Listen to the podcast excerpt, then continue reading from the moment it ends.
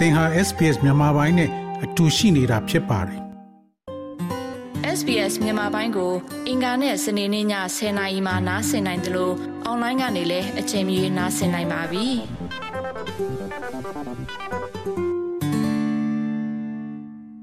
တီးခြားကရင်ပြည်နယ်ရရှိရေးအတွက်ကရင်လူမျိုးတွေဒီဇိုင်းမမတ်တောင်းဆိုနေခဲ့ကြတာ89နှစ်တိုင်ခဲ့ပါပြီ။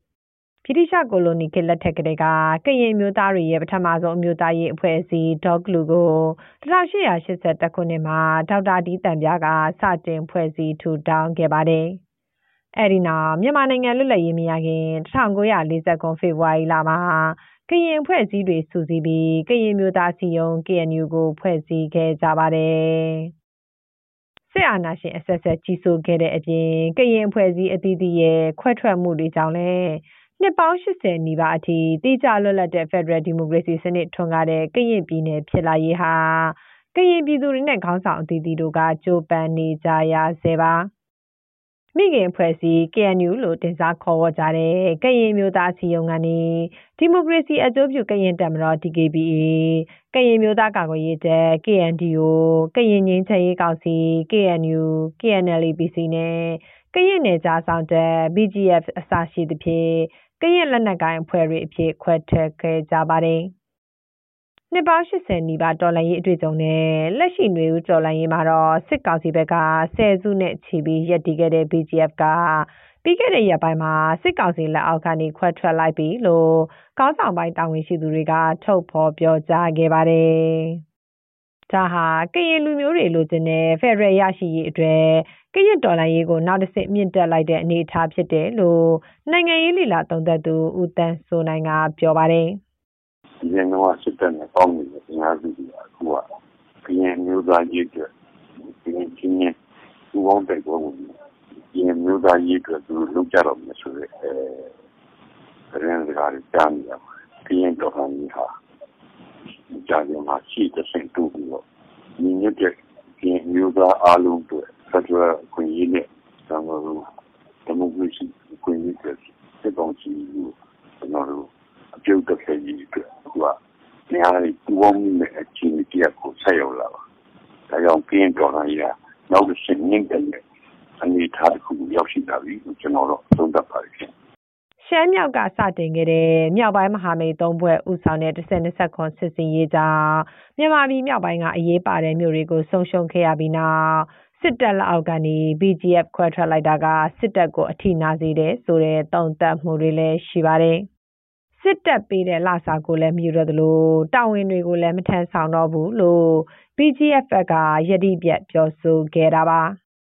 အဲ့ဒီနောက်စစ်ကောင်စီရဲ့ဒုတိယဗိုလ်ချုပ်မူကြီးစိုးဝင်းကပြီးခဲ့တဲ့လ23ရက်မှာပဲကရင်ပြည်နယ်ဖန်မြို့ထိတွားရောက်တွေ့ဆုံဆွေးနွေးခဲ့ပါတယ်။ဒီလိုဆွေးနွေးခဲ့ပေမဲ့အင်အားထောင်ချီရှိတဲ့ BGF ရဲ့ထိပ်ပိုင်းခေါင်းဆောင်တွေရဲ့ဆုံးဖြတ်ချက်ကိုမပြောင်းလဲနိုင်ခဲ့ဘူးလို့သိရပါတယ်။ အဲ့ဒီနောက်တောင်ပိုင်းစစ်စင်ရေးစတင်လာပြီးမြဝတီမျိုးတင်ငန်းညီနောင်ကတိုက်ပွဲတွေစတင်ဖြစ်ပွားခဲ့ကအာရှလမ်းမကြီးအထိရက်ဆက်ဖြစ်ပွားခဲ့တာပါ။ KNU တပ်မဟာ9နယ်မြေအတွင်းဇန်နဝါရီလထဲမှာပဲတိုက်ပွဲပေါင်း90နီးပါးဖြစ်ပွားခဲ့ပြီးစစ်ကောင်စီတပ်ဖွဲ့ဝင်40ကျော်သေဆုံးခဲ့တယ်လို့ KNU မူတရသတင်းစင်ကဒီနေ့မှထုတ်ပြန်ထားပါတယ်။ မြောက်ပိုင်းကစီရေးရနေချိန်တောင်ပိုင်းတိုင်းကစစ်စင်ရေးတွေပြန်ဆလာတာကတော်လန်ရေးကိုပူပေါင်းလှုပ်ဆောင်နေတဲ့သဘောတက်ရောက်ပြီးစစ်ကောင်စီဟန်ချက်ပြက်စီတယ်ဆိုတဲ့သုံးသပ်မှုတွေလည်းရှိပါတယ်။ပအို့မျိုးသားဖက်ဒရယ်ကောင်စီ PNFC ဥက္ကဋ္ဌဦးခွန်ထွန်မြင့်ကတောင်တန်းတွေပြတ်မခွဲကြဘဲနဲ့ပြည်သူတရားလုံးရဲ့နိုင်ငံရေးမှကြတော့ဘာဖြစ်သွားပြီလဲဆိုရင်ဒီမိုကရေစီရေးတက်တက်လည်းမပြောတော့ဖယ်ရယ်ရေးတက်တက်လည်းမပြောတော့ ဒီတိုင်းပြည်လုံးရဲ့ political soul နိုင်ငံရေးဝိညာဉ်နိုင်ငံရေးတက်ကဘာဖြစ်သွားပြီလဲဆိုလို့ရှိရင်ဖယ်ရယ်ဒီမိုကရေစီ federal ပြည်တော်စုတည်ဆောက်ရေးဖြစ်သွားပြီအဲ့တော့ဒီ federal ဒီမိုကရေစီစနစ်ကိုသူနဲ့ပြည်တော်စုထူထောင်မယ်ဆိုရင်သူ့အလိုလိုလောက်ရမယ်အလုပ်ကတော့ဆရာနာရှင်စနစ်ကိုဒါကျွန်တော်ချုပ်ကျင်အောင်လုပ်အောင်နောက်တစ်ခုကတော့ကျွန်တော်အမျိုးသားလွတ်မြောက်မှုတော်လှန်ရေးအောင်မြင်ဖို့မိမိလူမျိုးရဲ့မျိုးသားရေးရဖို့ဆိုရင်မိမိတူဒီတမျိုးသားတွေနဲ့ရုပ်ကံကြိုးစားလို့မရနိုင်ဘူး အားလုံးစုပေါင်းပြီးမှလုံးမရမယ်ပေါ့နော်မညီညွတ်ရင်မဖြစ်ဘူးညီညွတ်မှဖြစ်မယ်ဆိုအမြင်ကတော့ဒါကရင်မှာရောအားလုံးကျွန်တော်တို့ဒီတိုင်းလာပေါင်းစုံရဲ့အမြင်မှာတော့ထဒါကတော့ထင်ရှားဖြစ်သွားပါပြီဗျာနှစ်ပေါင်းဆယ်စုနှစ်ချီပြီးစစ်အာဏာရှင်စနစ်ကြီးစိုးခဲ့တဲ့နောက်ဒီတစ်ချိန်ကတော့ဖက်ဒရယ်အတွက်အသင့်တော်ဆုံးအခွင့်အရေးဖြစ်တယ်လို့ကရင်ခေါင်းဆောင်တွေအပြင်တိုင်းရင်းသားခေါင်းဆောင်အသီးသီးကယူဆထားကြပါတယ်။ ဒါကြောင့်ပူးပေါင်းညီညွတ်မှုတွေကပိုခိုင်မာလာကြသလိုနိုင်ငံရေးမျှော်မှန်းချက်ပြေဝစွာရရှိနိုင်ရေးအတွက်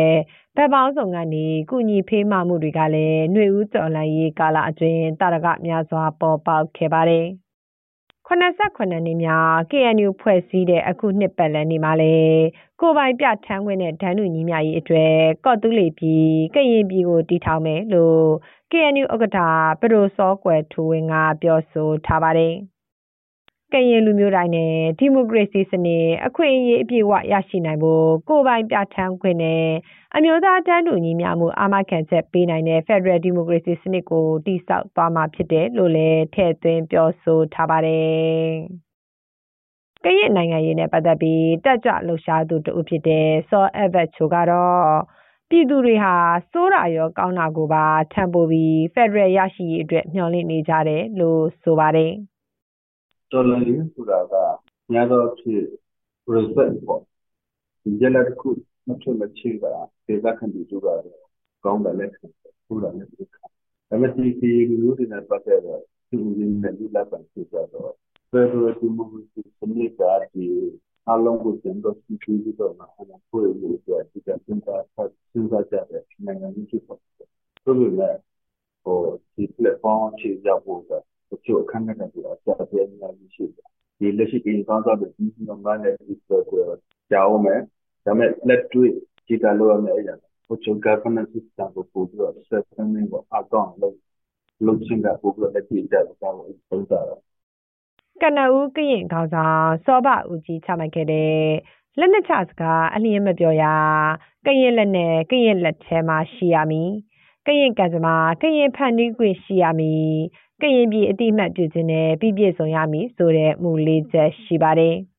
ကရင်လူမျိုးတွေရတဲ့အခွင့်အရေးတွေရရှိဖို့နဲ့ Federal Democracy စနစ်အပြည့်အဝရရှိဖို့ကရင်မျိုးဆက်တွေဟာ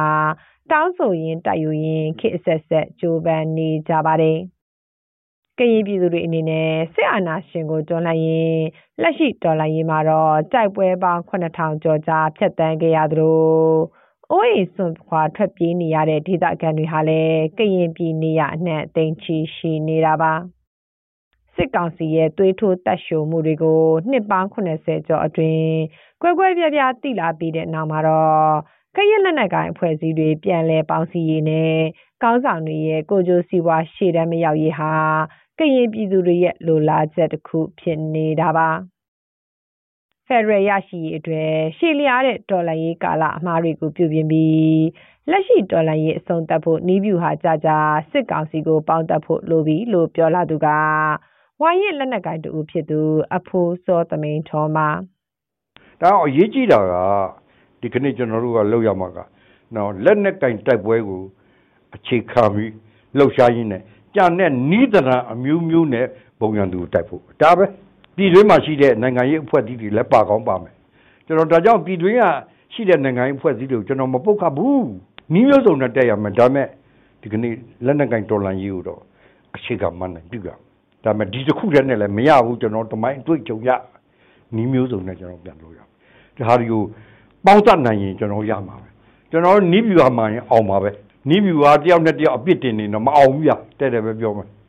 KNU ဥက္ကဋ္ဌကတော့နိုင်ငံရေးအခြေအနေပြောင်းလဲရှိလာတာနဲ့အညီနိုင်ငံရေးမဟာဗျူဟာနဲ့နီးဗျူဟာတွေကိုဥဆောင်လမ်းညွှန်ချမှတ်နေတယ်လို့ဆိုထားပါတယ်။ဒါအပြင်အချိန်နဲ့အမျှအကောင့်ထဲပေါ်ဆောင်ရွက်နေတယ်လို့လက်ရှိကာလမှာကြာရောက်တဲ့89နှစ်မြောက် KNU တီထောင်ခြင်းနှစ်ပတ်လည်နေ့မှာပြောဆိုခဲ့ပါတယ်။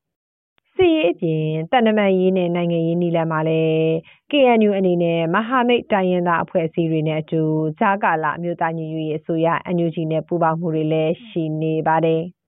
။ကွဲနေတဲ့ကရင်လက်နက်ကိုင်အဖွဲ့လေးစုပြန်ပေါင်းစည်းနိုင်ရေးကကြံ့ကြာနိုင်ပေမဲ့ဖက်ဒရယ်ရရှိရေးအတွက်ခေါင်းဆောင်တွေမှာတူညီတဲ့စိတ်ဆန္ဒရှိဖို့ကိုကရင်လူမျိုးအများစုကအလိုရှိနေကြတာပါ လူငယ်အမျိုးသမီးတဦးဖြစ်သူတပ်မဟာ6နယ်မြေခံကရင်တိုင်းရင်သူတဦးကစစ်မှန်တဲ့ဖက်ဒရယ်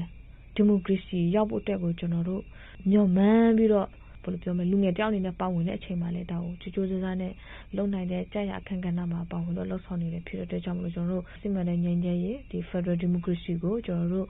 အမြန်ဆုံးရောက်ဖို့လည်းမျှော်လင့်တယ် တောင်းဆိုချင်တယ်ပေါ့နော်။ကောင်းစားတွေတွေ့ကတော့ ဒီစုစည်းနိုင်တဲ့ အခြေအနေတစ်ခုကတော့ မဖြစ်နိုင်ဘူးလို့တော့ လူငယ်တယောက်နေတော့ မြင်တယ်။ဒါပေမဲ့ ဒီမတူကွဲပြားနေတဲ့ ခေါင်းဆောင်ပေါ့နော် အစုအဖွဲ့ ဒီကရင်လူမျိုး မပပျောက်ဖို့အတွက်ကိုတော့ထက်စဉ်းစားဖို့လိုတယ် ဆိုတာဟာမျိုးတော့ ကျွန်တော်အဲပြောချင်တယ် ကရင်ပြည်သူတွေအပါအဝင် နိုင်ငံအနှံ့ကကြောင်မော်မြေပြတ်တိုင်းရင်းသားတွေဟာ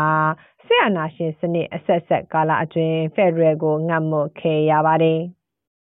စစ်ကောင်စီကို ခုခံကာကွယ်နိုင်တဲ့အပြင်တံမြန်ထိုးစစ်တွေပါ ဆင်နွှဲလာနိုင်တဲ့နောက်မှာတော့ ဆယ်စုနှစ်ချီ အောင်အီခဲ့ရတဲ့ Federal Democracy စနစ် ရရှိရေးကို ပြည်သူတွေက မျှော်လင့်နေကြပါပြီ။ ပေါင်းစည်းညီညွတ်မှုနဲ့အတူခေါင်းဆောင်အသီးသီးရဲ့နိုင်ငံသူနိုင်ငံသားတွေပေါ်ထားရှိတဲ့စေတနာစစ်မှန်ဖို့ကို ပြည်သူတွေကတော့အလိုရှိလိုနေတာပါ။ဒီသတင်းဆောင်မကိုတန်လွင်ခက်က ပေးပို့ထားတာဖြစ်ပါတယ်။ SBS မြန်မာပိုင်းကို အင်ကာနဲ့စနေနေ့ည10:00နာရီမှနားဆင်နိုင်ပါတယ်။နားဆင်နိုင်တဲ့နည်းလမ်းအများကြီးရှိပါတယ်။ Radio Digital TV Online ဒါမှမဟုတ်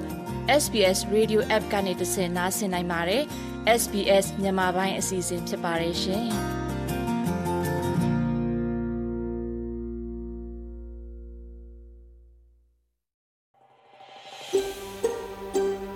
ဒါမျိုးသတင်းဆောင်မတွေကိုပိုနားဆင်လိုပါလား Apple Podcast Google Podcast Spotify တို့မှာသင်ပင်ရာဖြစ်ဖြစ်ရယူတဲ့ podcast ကနေပါ